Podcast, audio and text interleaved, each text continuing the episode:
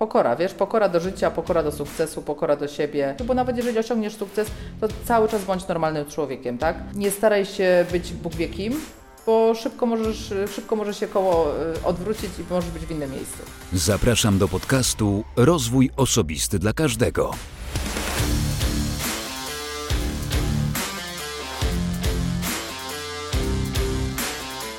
Cześć.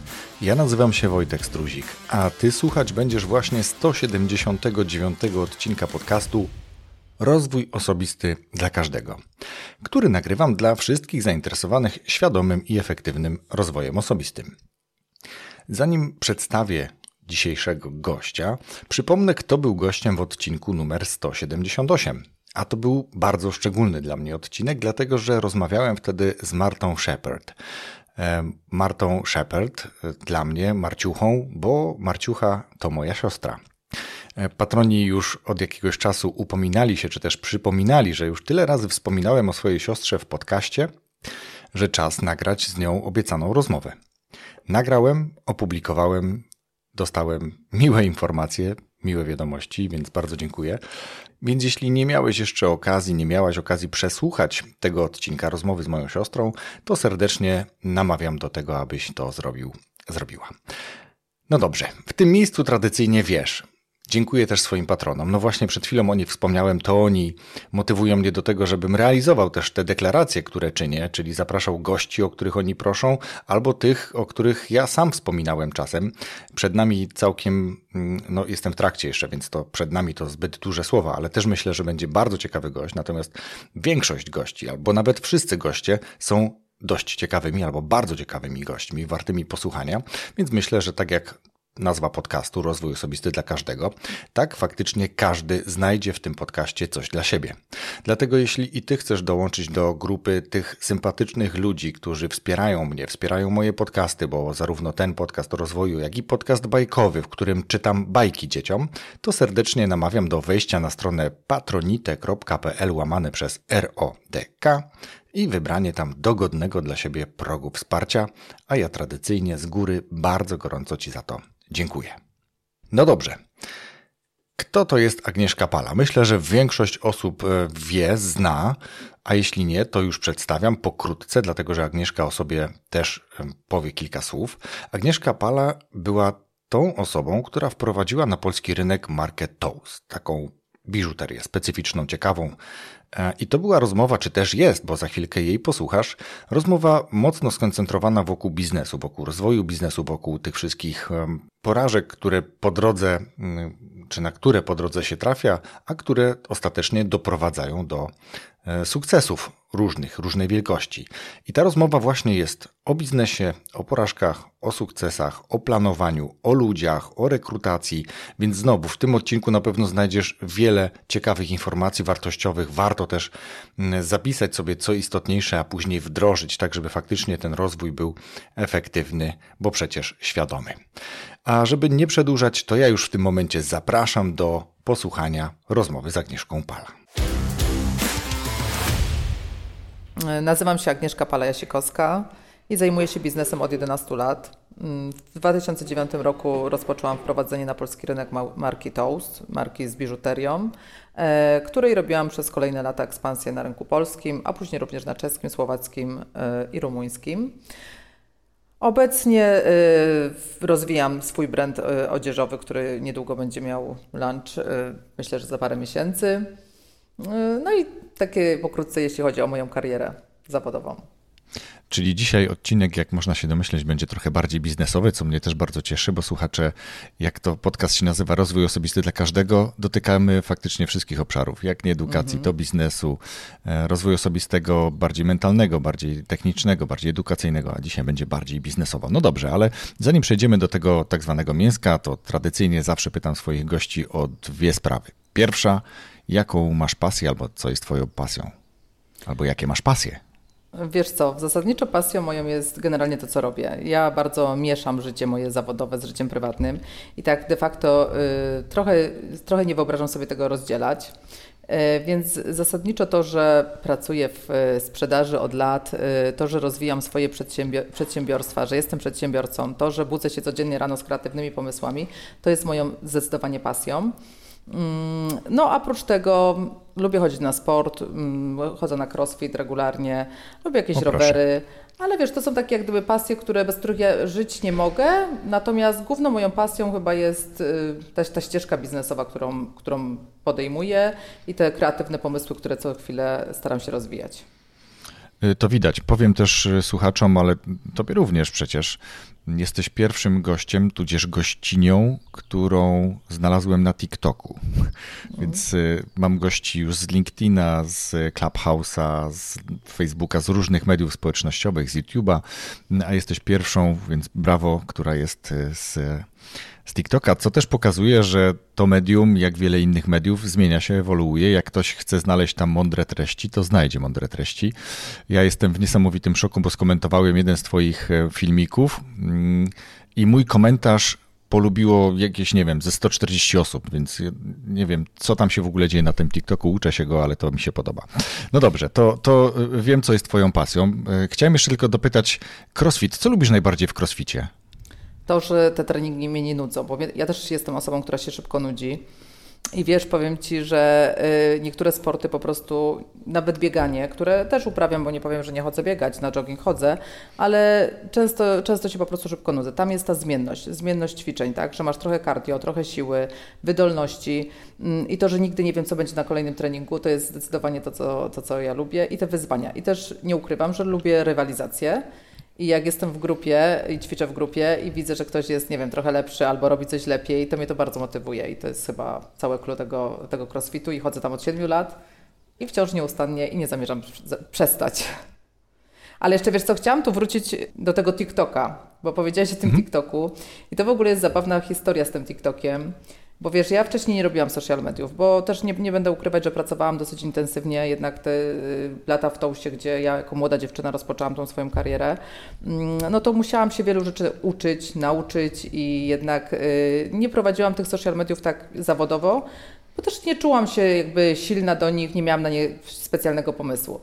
E, no i teraz, że mam więcej czasu, bo ten biznes sprzedałam dwa lata temu, mm, no to postanowiłam robić te social media. Tylko powiem Ci szczerze, że na tym Instagramie jakoś nie umiałam się przełamać, może dlatego, że wiedziałam, że dużo znajomych mnie obserwuje i po prostu nie umiałam się przełamać z tymi treściami. I też myślałam, Aga, co Ty masz ciekawego do powiedzenia? I wiesz, kiedyś taka dziewczyna do mnie mówi, Aga, Ty masz tyle dużo fantastycznej treści, mm, przecież Twój każdy dzień jest super, tak? Zacznij o tym opowiadać. Ja mówię, myślisz, że ktoś by chciał tego słuchać? Ona mówi, no jasne, przecież ja Cię słucham z otwartą buzią, no oczywiście. No i wiesz, yy, i potem taka druga znajoma mówi, Aga, otwórz sobie TikToka, może ten TikTok będzie, też jest super, to, to jest nowe, takie media społecznościowe i tak dalej, i tak dalej. No i wiesz, otworzyłam tego TikToka i tam przestałam się wstydzić. Więc zaczęłam mówić tak normalnie, po prostu od serca wszystko yy, o tych rzeczach zawodowych, o też o rozwoju osobistym, mentalnym. No i ten TikTok w zasadzie od grudnia do teraz mamy maj, ma 75 tysięcy. Także rozwinęło mi się to bardzo szybko, aż sama byłam w szoku, że w parę miesięcy zaledwie udało mi się zebrać taką społeczność. E, no i teraz ta społeczność też zainspirowała mnie do dalszych działań, do tego, żeby e, też dać coś od siebie, podzielić się moją wiedzą w sposób bardziej już powiedzmy profesjonalny, co też myślę, że w następnych miesiącach uczynię. Mhm. No właśnie, czyli zakładam, że mówisz tutaj o podcaście własnym. Wiesz co, mówię o podcaście, ponieważ w tych y, krótkich takich filmikach TikTokowych czy w postach na Instagramie jednak nie jesteś w stanie przekazać y, mhm. pewnych informacji y, i wydaje mi się, że jeżeli chcesz porozmawiać o czymś szerzej bądź głębiej wejść w temat, to jest to jedyna opcja właśnie podcasty, bądź może w późniejszym etapie jakieś szkolenia, które będę gdzieś starała się zrobić. Natomiast no, wszystko chcę, żeby opierało się na mojej praktycznej wiedzy i chciałabym, żeby ktoś, kto będzie brał w tym udział, był w stanie po, y, po odbyciu takich, nie wiem, czy rozmów, czy mentoringowych rozmów, czy, czy przejściu jakiegoś szkolenia, żeby mógł w stanie to wdrożyć we własną firmę, yy, czy po prostu rozpocząć swoje działania, a nie wyjść tylko i posłuchać, tak? Więc jak gdyby to jest moja, to coś, co chciałabym, żeby tak wyglądało. Mhm. Dzielenie się własną wiedzą, doświadczeniami, podcasty są genialnym medium właśnie do tego. Tak. Od ponad trzech lat to robię i, i, strasznie, strasznie złe słowo, bardzo mi się to podoba i spełniam się w tym. To jest akurat moja pasja. Tak. Robię to po godzinach pracy. Dzisiaj nagrywamy, nagrywamy wspólnie w niedzielę, więc to też pokazuje, że, że angażujemy się w to w pełni. Dobrze, y, Agnieszka, drugie z tych typowych pytań, które zadaję mhm. swoim gościom, zanim przejdziemy do y, właściwej rozmowy, to jak ty rozumiesz, jak ty widzisz rozwój osobisty właśnie? Wiesz co, ja widzę, że y, my jako generalnie jako ludzie zmieniamy się co ileś lat. E, ta zmiana, y, nie da się powiedzieć, że jej nie, musimy ją zauważyć w sobie. To jest moim zdaniem ten rozwój. Wiesz, ja też 5-7 lat temu, 10 lat temu byłam kompletnie innym człowiekiem niż jestem dzisiaj. Mm, I wiem, że jakby też będę kimś innym za kolejne 10 lat. I to, co gdzieś obserwuję, że często ludzie popadają w pewne schematy, żyją według pewnych schematów i nie wychodzą poza te schematy, nie starają się zmieniać, nie starają się adaptować do nowej rzeczywistości. Często potem są zagubieni. Więc ja taki rozwój, rozwój mój osobisty widzę w tym, żeby być uważnym na to, co co się zmienia, co cię otacza, e, żeby odpowiednio odbierać świat, adaptować się do odpowiednich warunków, do odpowiedniego czasu, miejsca i odpowiedniej rzeczywistości. Mm, I no, oczywiście edukować się, rozwijać, to są, ale to są jakby elementy, które zawsze, zawsze gdzieś tam są koło ciebie. Jeżeli jesteś e, osobą ambitną, jeżeli jesteś osobą ciekawą świata, to zawsze się edukujesz, zawsze czytasz książki, zawsze chcesz coś więcej wiedzieć. Natomiast ten rozwój, to co, to co właśnie mówię, ten rozwój taki osobisty, to uważam, że to jest e, dużo mm, zwracania uwagi na siebie, rozmów ze sobą i adaptowania się do nowych warunków zarówno w biznesie, jak i w życiu osobistym, no bo rynek się zmienia, świat się zmienia. Ja wiesz, zaczynałam firmę mm, w 2009 roku właśnie, właśnie Tousa i wtedy jeszcze nie było nawet sklepu internetowego, mediów społecznościowych, to wszystko powstawało, więc dzisiaj jak zaczynam z brandem odzieżowym, to ja już robię to bardzo, totalnie inaczej wszystko, tak? Jakby ja muszę się zadaptować do warunków, jakie są dzisiaj. Dzisiaj wchodzimy w metavers. Y, wcześniej nie było sklepów internetowych, więc ja nie mogę czegoś skopiować i udawać, że jest tak samo. Więc to jest dla mnie ten rozwój. To, że ja jako człowiek nie mogę się zatrzymać i powiedzieć, ja już posiadłam pewną wiedzę przez moje, nie wiem, 11 lat w biznesie i tą wiedzę teraz zrobię, skopiuję i wkleję. Oczywiście pewne rzeczy na pewno. Nie, teraz znowu muszę się rozwijać, żeby nadążać za tym, co się dzieje, żeby być na bieżąco i to pozwala mi utrzymać pewną no też pewną radość życia i radość z tej ścieżki, którą podążam. Mm, świetne, bardzo mądre słowa. Ja sobie zapisałem i podkreśliłem coś, co myślę, że wykorzysta, wykorzystam w tym podcaście. Gdzieś to jeszcze wybrzmi, czy też zabrzmi, że ten rozwój według twój, Twoich słów to e, zauważanie zmiany w sobie. Bardzo mi się to spodobało. To mhm. bardzo ciekawa i taka refleksyjna e, myśl, myślę o tym rozwoju osobistym. Dobrze, Agnieszka, super, e, świetna pasja, widać ją w Twoim działaniu. Ciekaw jestem tej marki, trzymam za nią kciuki. E, Przejdźmy w takim razie do tego biznesu, bo myślę, że wiele razy już Cię o to pytano, ale myślę, że ta społeczność tego podcastu również e, chce to wiedzieć, e, bo pytania od społeczności też są, ale to do nich mhm. przejdziemy troszeczkę później, pytania od patronów konkretnie. Mm, pierwsze pytanie, jakie się tutaj nasuwa w kontekście Twojego dotychczasowego doświadczenia, to tak naprawdę skąd pojawił się pomysł na biznes? Czy to było tak, że skończyłaś szkołę i już miałaś e, w głowie pomysł na biznes, czy po prostu zaczęłaś najpierw pracę, a później ten biznes się gdzieś tam pojawił? I dlaczego akurat ten?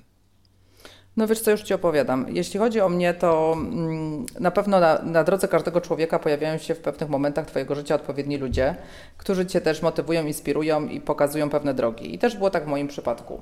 E, ja pracowałam w nieruchomościach.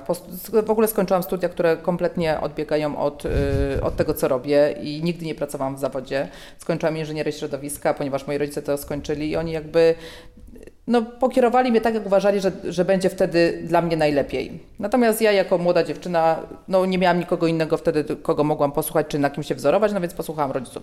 Skończyłam te studia, mimo że mi się nie podobały.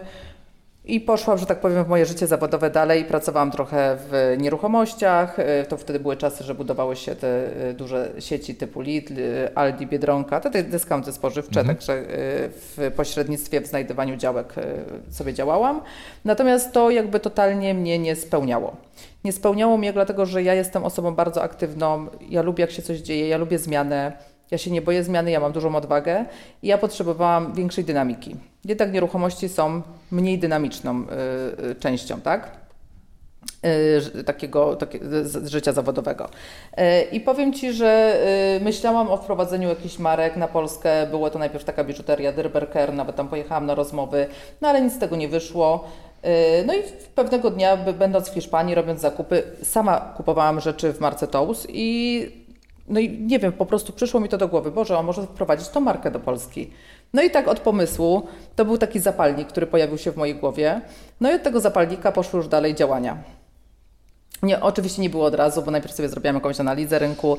Oczywiście też spotkałam pełno osób po drodze, które mi odradzały, mówiły, że to nie ma sensu, ponieważ jest tyle marek z biżuterią, przecież już jest Apart Kruk, Pandora wchodzi do Polski, e, że to w ogóle bez sensu to robić, tak? Konkurencja jest tak duża, że na pewno, e, na pewno to się nie uda. Mm, ja mhm. jednak wierzyłam w to, chociaż to nie był jakiś super innowacyjny pomysł. Po prostu wiedziałam, że chcę to robić. Lubiłam chodzić y, na zakupy, lubiłam ten świat handlu, lubiłam ten świat mody i po prostu czułam z całą sobą, że to jest coś, co powinnam zrobić. No i wiesz, napisałam do nich pismo, miałam wtedy, poznałam wtedy mojego przyszłego męża. E, on też dużo mi doradzał w biznesie, ponieważ on już był w biznesie. Mm, jak podejść do tematu, jak napisać dobrze maila, jak zrobić prezentację, jak się przedstawić. E, no i udało mi się to zrobić relatywnie dobrze. Zostałam zaproszona na rozmowę, no i tak rozpoczęła się współpraca, która później ewaluowała. Mhm. Pięknie, ale to jest jakby ten, jak sama powiedziałaś, zapalnik. Cieszę się, mhm. że powiedziałaś już o, o mentorze, o wsparciu. Myślę, że do tego jeszcze możemy nawiązać. Natomiast to jest tak, że Otwierałaś to już z myślą, że będzie to sieć, że będzie ta określona ilość punktów w określonych miejscach, czy raczej skupiałaś się na jednym i zobaczę, co dalej będzie? Czy to już było gdzieś w kontrakcie, czy to było na zasadzie franczyzy? Wiesz, no tutaj jakbyśmy trochę rozbudowali, bo no pierwszy krok jak najbardziej, no ale później jest masa innych mniejszych i większych kroków, potknięć. Wiesz co, tak, była to franczyza ekskluzywna na całą Polskę, więc zobowiązywała mnie do otwarcia przeciągu pięciu lat określonej liczby sklepów, tak? Ale na początek było to pięć czy sześć salonów w, w ciągu pięciu lat i taka była jak gdyby założenia tego, tych pierwszych, yy, pierwszych negocjacji. I ja też szczerze mówiąc, dzisiaj jak popatrzę na to z tej perspektywy, ja nie myślałam o takiej wielkiej sieci. Ja wtedy mając 20 parę lat myślałam o tym, żeby mieć, wiesz, parę butików. Nie myślałam o jednym, to przyznaję, dlatego że już wtedy zdawałam sobie sprawę, że przy jednym butiku mm, to nie będziemy mieli zasięgów na kampanię marketingową, że to po prostu jak gdyby się nie zepnie. To się już nawet nie spinało wtedy w Excelu, tak? Więc mhm. zdawałam sobie sprawę, że to 5 to jest minimum i ja jakby chyba też myślałam o tym, że będę miała pięć salonów w najlepszych miastach w Polsce, w najlepszych galeriach i na tym jak gdyby skończy się ta, ta no, nie, może nie, że przygoda, ale że to będzie taka skala biznesu. E, natomiast później życie pokazało, że jednak, e, że jednak ten biznes ewaluował i, i skala się zwiększyła. I koniec końców mieliśmy 45 salonów w Polsce, potem jeszcze rynek czeski, słowacki. Mm, ale to już jak gdyby wychodziło z tego prowadzenia tego biznesu, z tego, że jak otworzyłam jeden salon, naprawdę bardzo było ciężko i naprawdę y, otworzyłam go w galerii, która była nową galerią, bo to była galeria w Krakowie, która przechodziła swój okres niemowlęcy. Do tego brand, który był kompletnie nieznany na polskim rynku, który również miał swój y, okres niemowlęcy, więc jakby byłam w podwójnym potrzasku.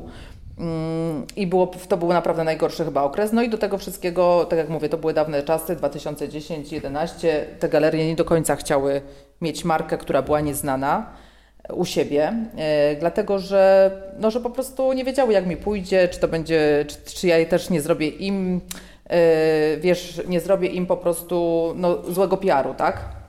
Mhm. A też miały swoje szanowane pozycje. No ale potem udało mi się dostać lokal w Starym Browarze i to troszeczkę otworzyło mi drogi do innych galerii, ponieważ wtedy Stary Browar był taką w Poznaniu renomowaną galerią. Mm, jest nadal. No i jest nadal, tak? Y, no ale wtedy był bardzo renomowaną i wtedy, mhm. jeżeli już ta, ten brand dostał, że tak powiem, zielone światło na otwarcie się u nich, y, no to inne galerie typu Galeria Mokotów, Silesia również zaczęły otwierać mi drzwi. No i wiesz, jak otworzyłam pięć salonów, to wtedy jakby zaczynało się to trochę spinać, że było sens inwestować w marketing, no bo, no, no bo marketing musieliśmy robić ogólnopolski, to nie dało się robić lokalnego ma mhm. marketingu, bo, no bo lokalny marketing dla takiego, dla brandu to w ogóle po prostu trochę nie ma sensu. E, więc po pięciu salonach zaczęliśmy robić e, marketing, który był ogólnopolski. Mm, podpisaliśmy wtedy kontrakt ambasadorski, wtedy z Małgosią Sochą. E, no i wiesz, no i zaczęło się po prostu dziać, wtedy zaczęło się dziać. E, no ale też do momentu, dopóki osiągnęłam ten break-even point, no to minęło ze 4 lata.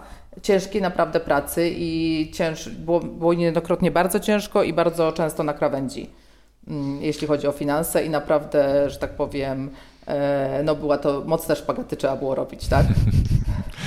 Ale jak powiedziałaś o Małgosi, e, to zakładam, że tutaj się faktycznie e, utwierdziłaś w tym haśle, że reklama dźwignią handlu i, i wtedy to wsparło cały projekt. Wtedy to był ten, jak sama powiedziałaś, ten punkt zwrotny i wtedy po tych pięciu, sześciu salonach poszło kolejne.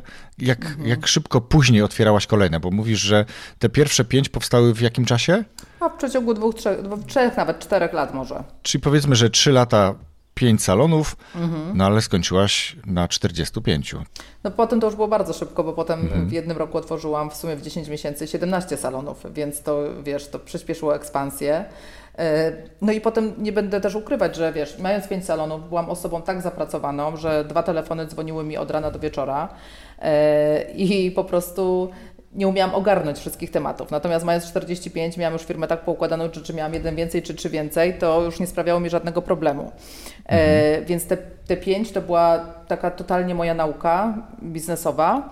E, później te otwarcia były już relatywnie proste, dlatego że, tak jak mówię, działaliśmy według pewnych, pewnej, pewnych schematów, pewnych określonych e, procedur. E, już wiedzieliśmy, czego chcemy, już umiałam negocjować i z galeriami i wiedziałam, jak się szkoli pracowników. Jak gdyby powielałam po prostu pewne wypracowane mhm. rzeczy, które wypracowałam sobie przez te 4 lata początkowe.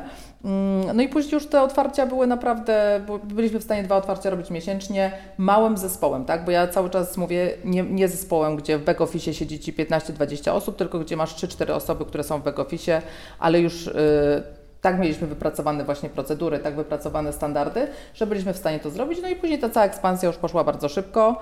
Potem też po tej dużej ekspansji, czyli po tym otwarciu 17 salonów, y, daliśmy sobie pewien okres czasu, półtora roku, żeby ustabilizować firmę, mm, żeby jeszcze raz przeanalizować, czy wszystkie procesy działają tak, jak powinny działać. E, no i znowu postępie, podeszliśmy do kolejnej, e, kolejnej tury ekspansji, którą rozpoczęliśmy w kolejnych latach, no i tak osiągnęliśmy ten cel, tak.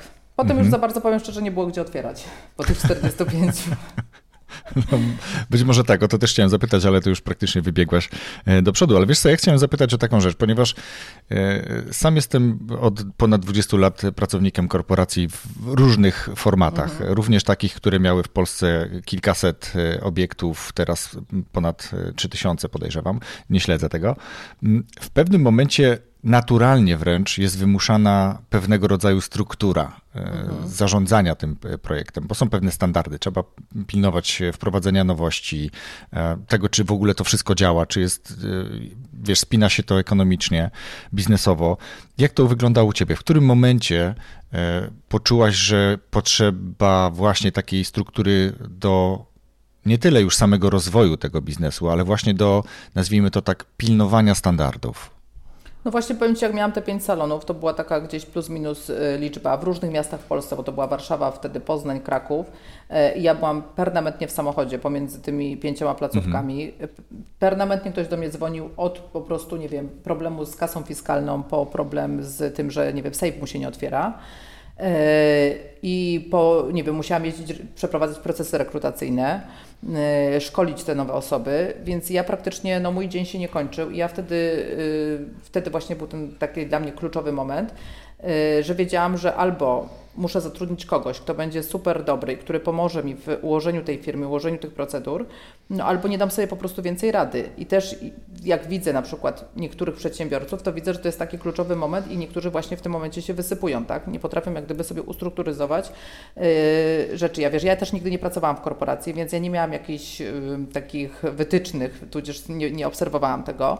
Yy, I właśnie wtedy, jak, jak byłam tak zajęta, to zatrudniłam taką osobę do firmy, której powiem Ci nawet, że się trochę bałam. I wtedy pamiętam, ktoś mi powiedział, Aga, ale jak możesz się czuć zagrożona we własnej firmie? Ale ja miałam taki moment, że poczułam się zagrożona, bo czułam, że zatrudniam kogoś, kto jest bardzo dobry, kto przeszedł y, duże firmy, mm, kto jest y, bardzo przedsiębiorczy. Y, no i miałam taki moment, wiesz, zawahania, żeby oddać te wszystkie kompetencje i powiedzieć, dobra, pomóż mi ułożyć tą firmę. E, no ale zrobiłam to jednak. E, no i z tą osobą współpracowałam do samego końca, zresztą teraz cały czas nasze ścieżki się przecinają. E, I wiesz, i, i to był ten moment, że zaczęłyśmy zatrudniać więcej osób, no musisz, rezygnujesz też z pewnego zysku, tak? na to, żeby opłacić ludzi, czyli jakby robisz inwestycję, kolejną inwestycję, tylko teraz inwestycje w struktury, tak? Nie inwestycje w ekspansję, tylko inwestycje w to, żeby ułożyć swoją firmę. I też masz na przykład rok, w którym nie zarabiasz, ponieważ musisz sobie zatrudnić nawet nadwyżkę ludzi do tego, żeby przejść do następnego kroku, czyli żeby zrobić tą mhm. ekspansję. Więc te wszystkie wnioski wyciągałam, uczyłam się, no też masę pieniędzy przepalonych, masę pieniędzy, y, wiesz, y, jak dzisiaj patrzę z perspektywy, no to można było to zrobić łatwiej, taniej i lepiej. Mm, natomiast no, udało się i, i tak w ten sposób to był ten kluczowy, zwrotny moment właśnie zatrudnienia osób, które być może jeszcze na te pięć salonów nie były aż tak potrzebne, ale wiedziałam, że bez nich nie zrobię y, dużego kroku do przodu. Tak, nie będzie kolejnych 10, Dokładnie. 15, 20.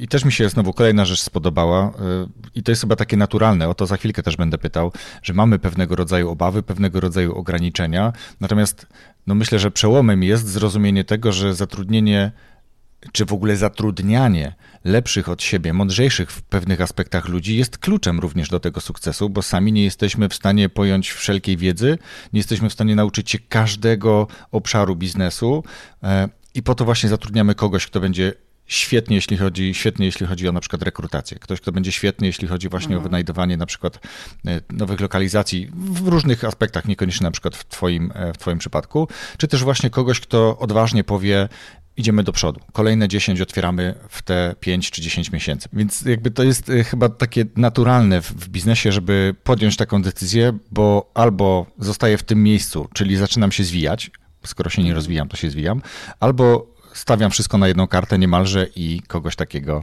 rekrutuję. Ale ja bym tu jeszcze, wiesz co, chciała dodać, że to, co powiedziałeś, zatrudniać lepszych od Ciebie, ponieważ przedsiębiorcy często, y, szczególnie tacy, którzy być może nie pracowali w korporacjach, tylko y, zaczynają swój biznes od zera, mhm. Y, często też, nie chcę powiedzieć, że się boją zatrudniać lepszych od siebie, ale nie, nie kładą tego jako dobrą monetę inwestycyjną, tak, że zatrudnianie, my jako przedsiębiorcy, czy osoby, które jesteśmy założycielami naszej firmy, liderem w tej firmie, my musimy pozostać zostać liderem. My nie możemy, nie, um, nie potrafimy znać się na wszystkim. Ja nie mogę być najlepsza w AdWordsach, najlepsza w ustawianiu kampanii na Facebooku, najlepsza w, nie wiem, nagrywaniu podcastów, tak? E, czy najlepsza w wybieraniu stron internetowych, czy prowadzeniu e-commerce'u. Nie mogę być też najlepszym logistykiem. Ja właśnie całą sztuką y, tego liderstwa i tego przywództwa jest to, żeby otoczyć się takimi ludźmi, którzy oni są kom bardzo kompetentni w swoim wąskim zakresie.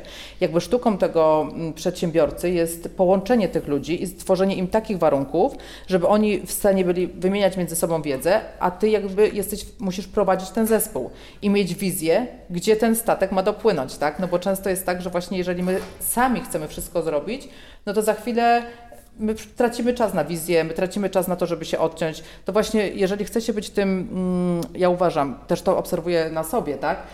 Ja potrzebuję czasu, ja potrzebuję stanąć, zatrzymać się, ja potrzebuję trochę poleniuchować, żeby wpaść na pewną ideę, tak? E, bo jeżeli jesteś w tym pędzie i codziennie musisz wszystko zrobić i masz tych rzeczy po prostu pod kurek, no to za chwilę Twoja inicjatywa wypada, stajesz się mniej uważny, też mniej uważny na swój zespół. Nie widzisz, e, kto z kim dobrze komunikuje, gdzie nie gra, e, dlaczego są pewne tarcia, że coś w tej firmie się dzieje, że atmosfera siada, tak? A Ty jako ten przywódca musisz po prostu to zauważyć, tak? I rozwiązać w miarę w odpowiednim czasie. Więc to są rzeczy, które są potrzebne przedsiębiorcy, ten czas jest potrzebny, to wyznaczanie kierunków, ale nie kompetencje w każdym poszczególnym dziale, bo te kompetencje w każdym poszczególnym dziale, no to, to nie jest to, co mamy robić, nie? Mamy znaleźć odpowiednich ludzi.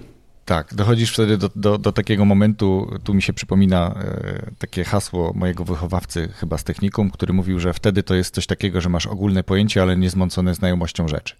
Czyli tak. masz faktycznie jakąś wiedzę o całości, ale ona nie wystarcza do tego, żeby każdy z tych obszarów był prawidłowo rozwijany, prowadzony, zarządzany. Więc jak najbardziej tak i tu duże brawo, ale to też widać, że ten sukces był e, ewidentnie e, jakby wynikową tych wszystkich działań i odwagi, o której mówisz i tego, że nie boisz się zmian bo to też już dzisiaj wybrzmiało.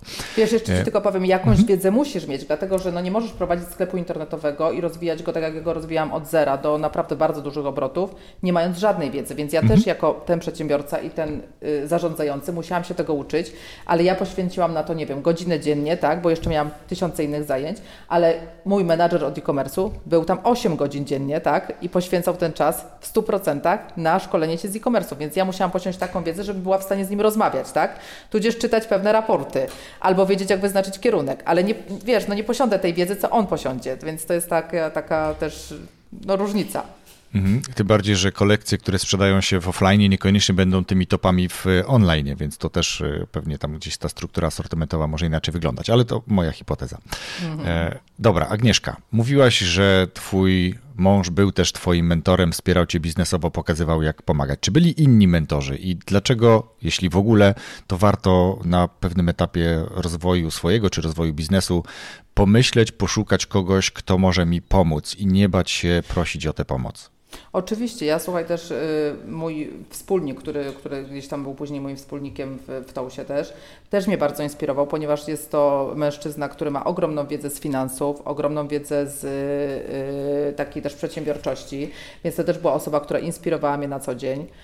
Y, ja też poza tym bardzo lubię się spotykać y, z ludźmi, którzy są, mm, no, którzy rozwijają się biznesowo, tak? I mam też takie swoje powiedzenie, jak siedzisz w pokoju, w którym jesteś najmądrzejszy, to znaczy, że po prostu opuść ten pokój, bo już nic więcej nie możesz zrobić.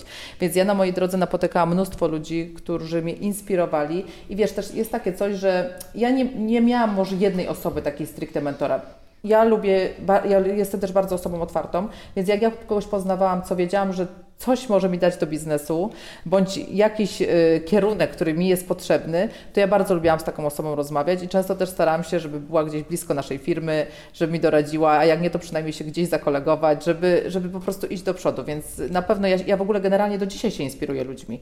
Ja uwielbiam, wiesz, rozmowy z ludźmi i uwielbiam się spotykać i tylko dla mnie jak mają być takie rozmowy o niczym, mam się spotkać ze znajomymi i rozmawiać o niczym, to wolę siedzieć sama.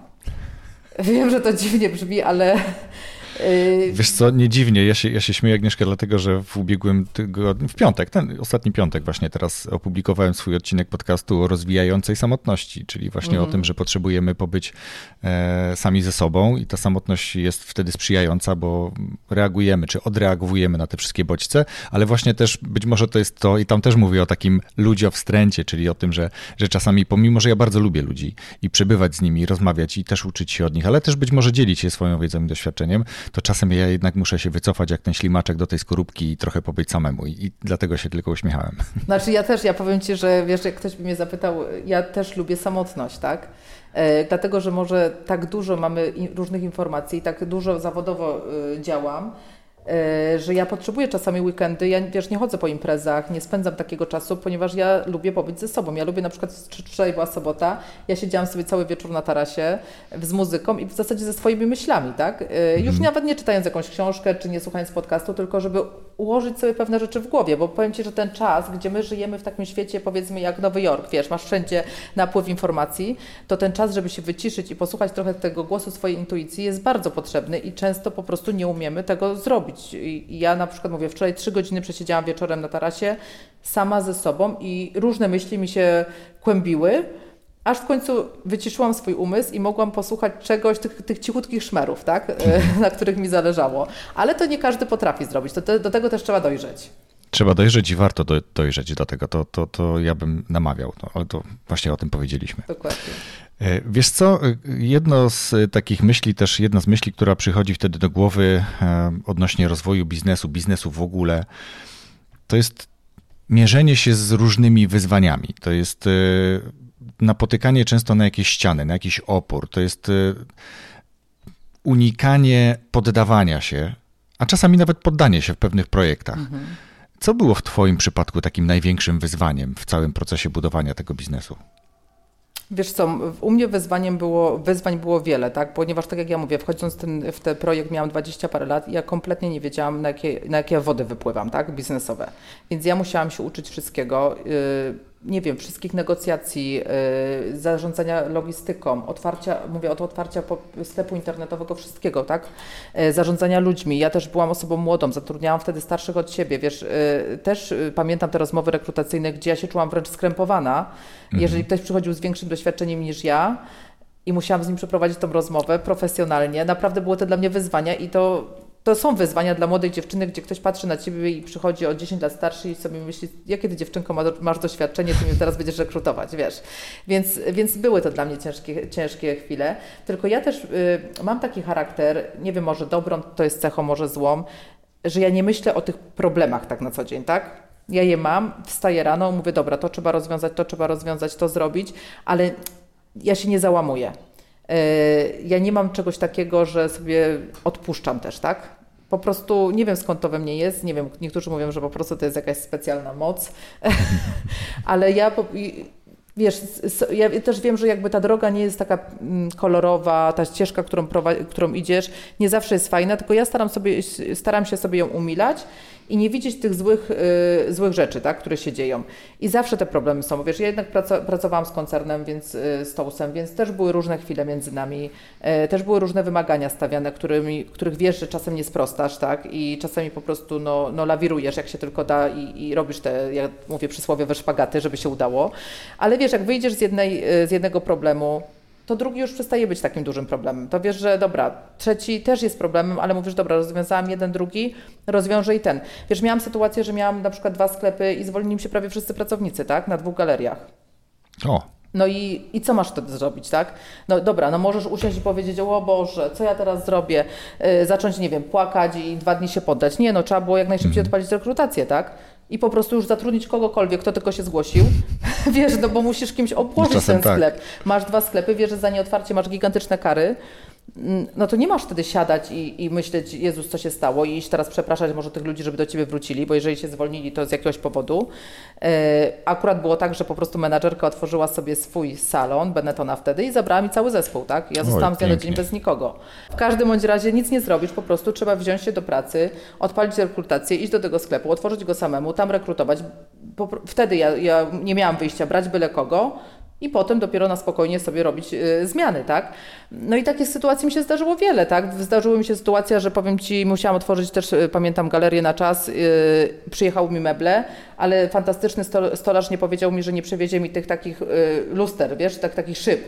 No i ja mówię, no mhm. dobra, nie przywiozłeś mi tych szyb, ja mam otworzyć sklep z biżuterią i postawić tu pierścionki po parę tysięcy złotych, że to mi każdy weźmie do kieszeni, tak? Te szyby były zabezpieczeniem, że tam była gablota po tak. prostu. Tak. I jest grudzień, wiesz, w sklepie masz wielki ruch, musisz otworzyć tą galerię na czas, bo jak nie to masz kary i, i facet ci przywozi y, coś, co jest po prostu no, niezdatne do w ogóle użytku. E, no i też trzeba było stawić temu czoło i też trzeba było jakoś się dogadać bo, no, i z tą galerią i, i, wiele różnych rzeczy, wiesz, no też czasami nie miałam y, na zachowanie płynności, tak, no bo to też nie czarujmy się, mhm. trzeba było, no trzeba było temu zapłacić, tu poczekać dwa miesiące, tu trzy, tu cztery, no koniec końców wszystko oczywiście było zapłacone, ale no te, te rzeczy trzeba było robić i one były stresogenne. Tylko, że jak przejdziesz jedną rzecz, przejdziesz drugą, przejdziesz trzecią, e, jak trzy razy ci odmówią finansowania w banku, to nie poddawaj się, bo za czwartym ci może nie odmówią, tak? Po prostu trzeba, no, trzeba wyznaczyć te cele i do nich dążyć. No właśnie, i to jest znowu coś, co kiedyś rozmawiałem z Sylwią Królikowską i ona powiedziała, że motywacja to jest jedno i ona pomaga wystartować. Ty miałeś swoją motywację, była ta iskra, zobaczyłaś Tousa i pomyślałaś, mhm. to jest to coś, co chcę rozwijać w Polsce, ale tak naprawdę za sukcesem nie stoi motywacja, tylko za sukcesem stoi determinacja, czyli to coś, co pozwala ci mierzyć się z tymi wszystkimi wyzwaniami i uderzyć do czwartego, piątego banku w momencie, kiedy trzy pierwsze odmówiły. I to jest, myślę, też taki gwarant sukcesu. Może nie gwarant, ale taki bardzo, bardzo istotny element Y, sukcesu determinacja. Przekonanie, że to jest warte tego i że ty sobie z tym poradzisz. I pracowitość, wiesz, ja też uważam, mhm. że pracowitość to jest też bardzo ważna cecha, bo ludzie też myślą często, zakładając sobie swoje własne firmy, że, yy, no, że wiesz, że po prostu to się dzieje, ma, ma się firmę i super otwiera się, jest ten pierwszy moment, że jest wszystko świetne, yy, jedziemy na tych emocjach pozytywnych, otwarcia i tak dalej. No a potem przychodzi szara rzeczywistość, czyli przychodzi to, że a jednak to nie jest tak, jak sobie wyobrażałem, a jednak, y, jednak tutaj jest ciężko, tu jest trudno i się poddają od razu, tak? Więc ja myślę, że motywacja jest pierwszym krokiem, ale potem przychodzi, ja mam taką maksymę swoją, dream, believe, do, repeat, tak? Musisz najpierw uwierzyć, musisz wymarzyć sobie to, co chcesz zrobić, tak? Potem w to uwierzyć, Potem zacząć to robić i powtarzać, i po prostu robić, Mhm. powtarzać. I to jest ta konsekwencja w działaniu. Mówię, to determinacja, konsekwencja, zwał jak zwał. Po prostu to, że codziennie robisz, nie poddajesz się i w biznesie, tak jak ja mówię, trzeba się na to nastawić, że są gorsze chwile. I jest ich naprawdę sporo. I to są te chwile, tylko one cię też budują, tak? Ta, ale też mam taką swoją też takie przemyślenie, że ta droga na szczyt, jeżeli ją lubisz, jeżeli lubisz tą ścieżkę, to jest przyjemna, tak? On, nawet z tymi wszystkimi porażkami, które cię po drodze spotykają. Natomiast y, trudniej się jest utrzymać na tym szczycie, wiesz. To jest cały, cała sztuka, tak? Bo tam też jest wietrznie, nie? No to jak się utrzymać, skoro jest wiecznie?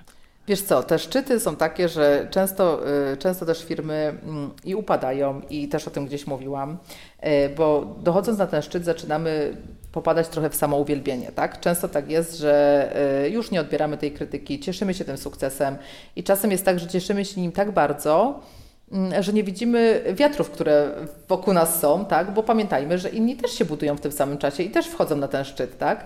E, I czasem nasza spycha, samouwielbienie i samopoczucie tego sukcesu powoduje, że tracimy czujność, tak? E, No i ta utrata czu- czujności często wiele firm dużo kosztowała, no bo zobacz nawet jak ja popatrzę na branżę retail, ile było marek, które były w Polsce, wybudowały coś i nagle znikły. I nagle na przykład wchodzi inna marka, powiedzmy 4F i się buduje i, jest, jest bardzo silna, a inna marka wypada z rynku, tak? Więc ja myślę, że to wszystko właśnie to jest to, co mówię. Utrzymać się na tym szczycie to też jest wielką sztuką. Super, czyli e, nie, zach, nie samo zachwyt i nie uwielbienie w, i przekonanie o tym, że to już jest ten właśnie moment, kiedy nikt mi nic nie może zrobić, tylko cały czas czuć oddech, czyli jakby ta, ta konkurencja, tak? Świadomość tego, że jest, są inni, że się rozwijają, obserwowanie e, też rynku, to też jest coś, co pomaga ci ochronić się trochę przed tym wiatrem, tak? I pokora, pokora, wiesz, pokora do życia, pokora do sukcesu, pokora do siebie, e, brak e, pychy. To, to są takie moje też m, takie dewizy, którymi ja się, e, ja się kieruję w życiu, bo nawet jeżeli osiągniesz sukces, to cały czas bądź normalnym człowiekiem, tak? E, Nie staraj się być Bóg wie kim, bo szybko możesz, szybko może się koło e, odwrócić i możesz być w innym miejscu. Mhm. No, takie pytanie sobie też zanotowałem, czego nam brakuje albo czego potrzebujemy do tego, żeby wystartować i później rozwijać ten biznes, ale praktycznie cała rozmowa dzisiaj jest o tym, więc tego pytania e, już nie zadam. Za to zadam pytanie, czy pytania, które, o które poprosili, żebym zadał moi patroni, czy patroni tego podcastu. E, Jedno trochę gdzieś było, ale nie do końca, chociaż chyba tak, bo- chodzi o to, jak rekrutowałaś pracowników. Tu już troszeczkę tego było, ale y, zamknijmy jeszcze jakąś klamrą kwestię rekrutacji. Dobra, ja powiem Ci tak, ja mam swoją taką też zasadę, ja ludzi re- rekrutuję intuicyjnie. I ja oczywiście korzystałam z firm y, y, rekrutacyjnych, tak, oczywiście. Ja, przy, jeżeli już miałam naprawdę duże struktury, nie poradziłam sobie sama. Natomiast te, te kluczowe osoby, które ja wiedziałam, jakie mają mieć kompetencje, to ja czy przez LinkedIna, czy przez y, znajomości, y, ja po prostu w ten sposób je pozyskiwałam do firmy. I ja y, też sprawdziło mi się to y, i teraz jak gdyby tylko się tym kieruję. Jeżeli z kimś rozmawiam, ja nie, muszę, ja nie patrzę, czy on ma Bóg wie jakie wykształcenie i tak dalej. Ja też muszę wiedzieć, że ta osoba po pierwsze ma tą samą energię co ja, że my y, jesteśmy na tej samej fali i muszę widzieć, że jest ambitna, szybko myśli, błyskotliwa, bo ja wiem, że nawet ktoś, jak nie ma pewnych kompetencji, to on jest w stanie, jak ma tą właśnie ambicję, to co powiedzieliśmy wcześniej, determinację, y, tą swoją moc, to on jest w stanie te kompetencje bardzo szybko pozyskać, tak? Y, ale ja też wiem wtedy, że z taką osobą mi się pracuje. I ja powiem Ci, że parę razy się przejechałam właśnie i, i widziałam wbrew sobie kogoś, i to mi się nie sprawdziło, tak? Natomiast z czego ja mogę być dumna, to powiem Ci, że właśnie ta intuicja i to dobieranie ludzi mnie nie zawodziło. Mm, Tych ludzi, którzy byli wokół mnie, tak? No bo wiadomo, byłam ja, byli ci szefowie poszczególnych działów, no i potem byli pracownicy, którzy byli na salonach i kierownicy i tak dalej. Ja nie, ja nie znam już później wszystkich, tak? Mając 300 osób nie jesteś w stanie wszystkich znać, bo, bo się po prostu nie da. Więc pracowałam tylko z tym, powiedzmy, y, kadrą zarządzającą i ją dobierałam sama. Ją dobierałam sama, czasami przez jakieś firmy rekrutacyjne, ale i tak ta finalna decyzja należała do mnie i tak finalnie to ja musiałam czuć tą osobę, po prostu czuć tą osobę, kto to jest i do dzisiaj ja z tymi ludźmi mam świetny kontakt. E, Wydaje mi się, że każdy wypowiedziałby się o mnie pozytywnie, tak, bo nam się dobrze współpracowało, bo w tej firmie była po prostu atmosfera. Ludzie, ludzie. Firma to ludzie, prawda? Oczywiście, ja uważam, że firma to ludzie i samemu nie da się wybudować, yy, słuchaj, super działającej firmy. Yy, I firmę trzeba oprzeć na ludziach. I właśnie brak ludzi, wiesz, my jako przedsiębiorcy często czujemy się samotni yy, w tym wszystkim, bo jeżeli się nie otoczymy odpowiednimi ludźmi, jeżeli nie mamy ludzi, którzy nas rozumieją, no to ciężko jest pchać organizację do przodu. No bo musisz, musicie, musisz jeżeli ty jesteś tą, tym, tym liderem, to musisz mieć pod sobą osoby, które idealnie cię rozumieją i z którymi się rozumiesz w mgnieniu oka, bo one dalej są w stanie nieść twoją wizję, tak? Jeżeli tutaj nastąpi y, ten y, jakieś nieporozumienie, no to, to ta firma zaczyna się rozjeżdżać, tak? Więc to jest naprawdę, uważam, że ludzie są kluczem w tworzeniu organizacji i też tutaj bym bardzo chciała dodać ważną rzecz, że czasem mamy coś takiego jak przedsiębiorcy, że y, dużo patrzymy na kwotę, tak? Y, I mówimy, dobra, temu tyle nie zapłacę, bo to jest za dużo, nie? A jednak trochę czasami warto zapłacić za naprawdę dobrą osobę, za osobę, która ci dużo wniesie w organizację, bo to się przekłada na, y, na dużo większe profity w sumie na koniec końców dla ciebie i w dużo większy spokój. Rezultat jest ważny. Oczywiście. Kolejne pytanie, bardzo interesujące i myślę, że w kontekście tego, o czym mówiłaś, tych na przykład przepalonych pieniędzy, tak mi się tutaj akurat to mhm. wydaje, że to w tym miejscu możemy się zaczepić, ale może nie. Jaką decyzję podjęłaś zbyt późno? Zbyt późno? Mhm. No wiesz co, na pewno podjęłam jakby zbyt późno, na przykład zbyt długo zwlekałam z zamknięciem pewnych nierentownych placówek. E, zbyt późno może e, jakby może zbyt wolno w pewnym momencie rozwijałam e-commerce, który miał dużo większy potencjał, tak? I mhm. gdzie mogłam to zrobić znacznie szybciej, znacznie lepiej e, i też tam może nie wykorzystałam odpowiednio potencjału. E, zbyt często czekałam z decyzjami, właśnie to co mówię, że widzisz, że coś jest nierentowne, to dajesz temu jeszcze szansę, nadzieję mhm. i czasami dawałam ją zbyt długo, co też spowodowało, że mnóstwo właśnie było strat finansowych, które, no, które były, prawda, bo inne, inne placówki muszą pracować na tą nierentowną i to jakby trwało zbyt długo, no to, no to przepalałam dużo budżetu. Mhm. Czyli to jest taki obszar, który, który można byłoby, czy też pewnie wykorzystasz tę wiedzę, te doświadczenia przy okazji budowania nowej marki, że Wiesz, na przykład zrobiłam odcinamy też, to. Tak, dużo też y, struktur budowałam wewnątrz firmy, tak? Czyli na przykład działu reklamacji, e, czy całą, całą logistykę wysyłki, tak, zamówień. Dzisiaj już bym tego tak nie zrobiła, tak? Dzisiaj bym więcej rzeczy outsourcowała, yy, ponieważ byłoby to dla mnie może troszkę droższe, ale finalnie i tak tańsze i mniej by mnie kosztowało pracy. Tudzież miałabym więcej czasu, który jest czas, jest też dla nas bardzo cennym aktywem, na inny rozwój, tak? I na inną koncepcyjną pracę. A tak musiałam rozwiązywać, że tak powiem, pożary, gasić pożary, nie wiem, w logistyce wysyłki zamówień internetowych, tak? Które, gdzie zawsze się coś zdarzało, bo zawsze była jakaś akcja promocyjna, czegoś nie było, coś było. A tak, jeżeli masz to w jakimś fulfillmencie, jest Ci o tyle prościej, tak? Zarządzamy komersem, więc doskonale wiem, o czym no. mówisz. E, dobra, Agnieszka. I też pytanie, które chodziło mi po głowie i cieszę się, że patron też tutaj je zaproponował. E, otwierałaś biznes od pierwszej placówki, pięć, później ta skala rozwoju była zupełnie inna. Czy od samego początku, albo w którym momencie być może pojawił się ten pomysł, że sprzedam ten biznes? No wiesz co, powiem Ci tak, mm, ten pomysł gdzieś tam był już od jakiegoś czasu, bo to yy, może nie od samego początku, bo to bym skłamała, mhm. ale od, od, od, pewnego momentu rozwoju. Yy, wiedzieliśmy, że tak się stanie. Yy, ja też y, jakby pracując właśnie z tymi moimi wspólnikami, oni już pewną drogę przeszli kiedyś sprzedaży firmy, więc wiedzieli, że może to iść w tym kierunku i jakby cały czas mówili, jak się do tego przygotować. E, no i też e, jest coś takiego, że jeżeli pracujesz, e, tak jak myśmy pracowali na biznesie franczyzowym, masz tą franczyzę ekskluzywną, no to to też jest biznes do pewnego momentu, tak? Przyjdzie ten czas na ten exit i, i w każdych, jak, jak się obserwuje innych franczyzobiorców, tak, i franczyzodawców, to zawsze jest tak, że właśnie się jakaś sieć jest wykupywana. Więc będąc w tej strukturze, zdawaliśmy sobie sprawę, że ten moment nadejdzie, no i nadszedł. Mhm.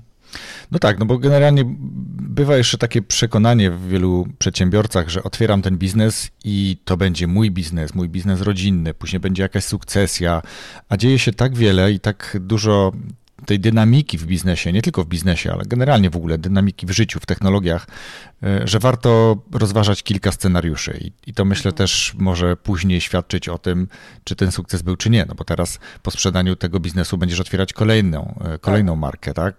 Ta marka też może zostać kiedyś e, sprzedana i będziesz pewnie otwierać kolejną, no bo jak widać jest to wiatr w twoje żagle. No i wiesz co, ja też y, kiedyś to właśnie to, to, co powiedzieliśmy fajnie o tym, o tej zmianie na początku i o rozwoju siebie jako człowieka.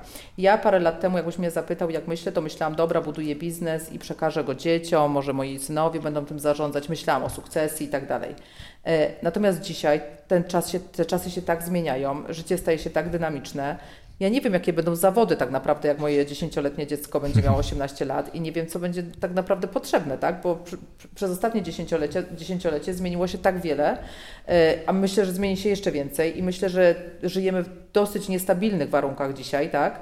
E, I ta elastyczność musi być bardzo duża, więc ja już dzisiaj nie myślę o przekazywaniu biznesu. Ja myślę, żeby coś robić, wiesz, bardziej powiem Ci, nawet myślę teraz, już jestem na takim w takim momencie mojego życia, ja myślę, żeby robić to, co kocham.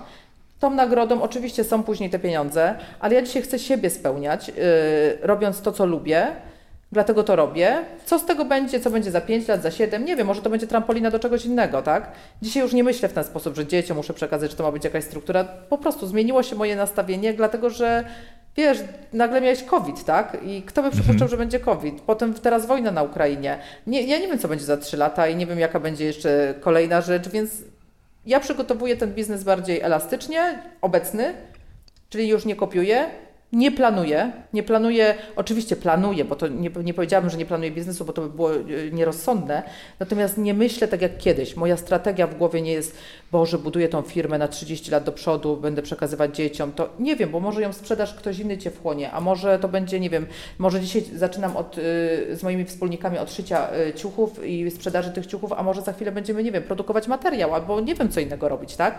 Jakby mhm. tych scenariuszy może się pojawić tak dużo, i ja chcę też dać sobie w tej głowie tą elastyczność, wiesz, po prostu. No, tak, tak, tak, takie jest moje podejście dzisiaj. Strategie faktycznie dzisiaj ustalamy i, i, plany to już nie pięć, w sensie kiedyś to były takie dziesięciolatki mhm. na dwadzieścia lat, teraz to raczej tak pięć to już jest taki długi okres, można powiedzieć, tak. nie? W, te, w tych czasach. Super, Agnieszka. Myślę, że ogrom jakby Twoich doświadczeń tutaj dzisiaj wybrzmiał w, w tym podcaście. E, I dwie rzeczy jeszcze, które zwykle w tym podcaście w związku z rozmową z gościem odbywają się, tak powiem. Jedna to polecenie książki, książek albo jakiegoś obszaru e, wiedzy na przykład, która, którą uważasz za wartościową, za taką, którą, z którą dobrze byłoby się zapoznać. Co by to było? Wiesz co, ja powiem Ci, że y, nie, nie powiem, że nie czytam, bo czytam sporo, sporo książek i sporo materiałów, natomiast też uważam, że jest bardzo dużo książek, które y, są rozwlekle i te treści są naprawdę bardzo rozwlekłe i ja, ja też pomijam czasami niektóre rozdziały, bo mówię, to co można streścić w 40 stronach jest w 200, e, więc, y, więc też niekoniecznie. Natomiast taka książka, do której ja sobie gdzieś tam wracam, jak czuję się rozbita, i czuję, że coś, e, coś, coś jest nie tak, to jest na pewno Myśl i bogać się Napoleona Hilla. To jest taka, mhm. wiesz, książka, która gdzieś mnie w pewnym momencie budowała że mojego życia. I, e, I po prostu ją lubię, tak? Więc, więc ja lubię też wracać do książek, wiesz? Ja mam też coś takiego, że, że ja coś przeczytam, odkładam na półkę i to jest coś, do czego lubię sobie wrócić. Lubię też tą książkę Klub Piąta Rano. To też mhm. jest bardzo fajna książka, która, do której też wracam, tak? którą jestem w stanie przeczytać dwa czy trzy razy, co jakiś, co, co, co parę lat. Robin, e, Robin Sharma. Tak, taka pomarańczowa okładka. Patrzę na nią. Tak. Też bardzo fajna książka i która mnie zainspirowała. I ja nie powiem, że ja się stosuję do tej piątej rano. Nie, to, to tak nie wygląda, ale ona mnie zainspirowała do pewnego też mojego rozwoju, do podejścia do życia, e, do zmian, do, do wielu rzeczy. E, więc to są dwie moje takie inspiracje. Ta, ta Klub Piąta Rano to nie jest tylko biznesowa książka, tylko ona jest też może bardziej taka właśnie rozwoju osobistego, mhm. bardziej, nie wiem, nie, nie wiem mentalnego. E, więc, więc to jest coś, co co mogę ja zarekomendować, co jest moje i z czym ja się dobrze czuję. Natomiast ja też robię bardzo dużo różnych, może nie, że kursów, bo ja nie robię tak dużo kursów. Czasem ktoś wpada, kto jest bardzo ciekawy, ja wtedy go słucham, natomiast nie staram się, ponieważ mamy tych informacji tak strasznie dużo dzisiaj, że wydaje mi się, że, że jak ja też byłam w takim momencie życia, że chciałam łapać wszystko, co, co mnie otacza, wiesz, to posłuchać, to posłuchać, bo ktoś powiedział, że to jest dobre, to jest dobre i potem koniec końców na koniec nic nie wiesz, tak? Bo wszystko tak posłuchasz po łebkach, więc y, moja rada jest, nawet dzisiaj słyszałam, że ktoś powiedział, Jezus, ja przeczytałem 140 książek biznesowych i dalej jestem w tym samym miejscu. No tak, no będziesz w tym samym miejscu, bo wystarczy Ci przeczytać cztery, ale przeczytaj i zastosuj. Wyciągnij wnioski. Zastosuj. Zastosuj, Działaj. właśnie. To jest to samo, co wiesz, ja też tutaj wtrącę, że jak będę robić te moje szkolenia, to ja chcę, żeby one były zrób i zastosuj. Ja Ci to pokażę jako praktyk. Ktoś to zrobił, wiesz? Dlatego, że ludzie czytają, chłoną niby tą wiedzę, ale nie stosują. A jak nie ma zastosowania, no to zapominasz. Po 48 godzinach już nie pamiętasz, co tam się wydarzyło w tej książce, tak? Wdrożenie. Wdrożenie tego, co się przeczytało, chociaż jednej rzeczy, jednego zdania z książki i to już zmienia, e, no to... zmienia życie czasem. Tak, to tak jak w firmach, słuchaj. Najpierw musisz wiedzieć, czego chcesz, potem musisz to wdrożyć, tak? A potem musi być dobra egzekucja. I wtedy wszystko działa. Jak któregoś z tych elementów braknie, nie działa. Dokładnie tak. Super. E, dziękuję za, za, za to, co poleciłaś, te, te, dwie książki, to, co powiedziałaś generalnie, bo faktycznie jest tego ogrom i trzeba wybierać, trzeba wiedzieć, za który sznurek z tych miliona sznurków pociągnąć. Dokładnie. E, I ostatnią rzeczą, o którą proszę swoich gości, to żeby wskazali takie miejsce, gdzie czują, że gdyby ktoś chciał o coś zapytać, być może zaprosić do kolejnej rozmowy albo do jakiegoś projektu, to jakie miejsce w sieci by to było? Y, ja na pewno mnie może znaleźć na Instagramie. Y, to nie wiem, czy tam będziesz mógł jakoś odhaczyć. Będę linkował. Będę, linkował. Będę linkował to, to Jestem tak, na tak. Instagramie, odpowiadam tam na wiadomości, zresztą my też y, pisaliśmy na Instagramie. Jeśli zajmie mi to czasem dwa dni, to przepraszam, ale zawsze odpowiadam na wszystkie. I, no i na TikToku też, też jestem. Więc to są na razie te moje dwa kanały. Więcej nie mam czasu rozwijać. Pewnie będę rozwijać YouTube'a bądź, bądź może podcasty również swoje, ale to w przyszłości. Natomiast na dzień dzisiejszy Instagram i, i TikTok i te dwa, dwa, dwa medium mi wystarczają. I tak można Super. mnie znaleźć, można pytać.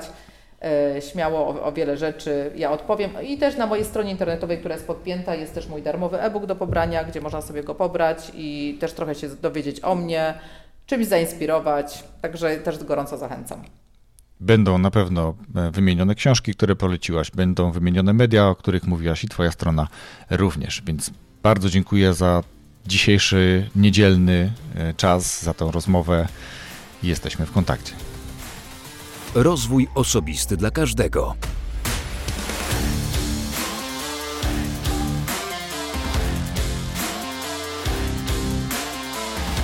Bardzo dziękuję za wysłuchanie tej rozmowy do końca.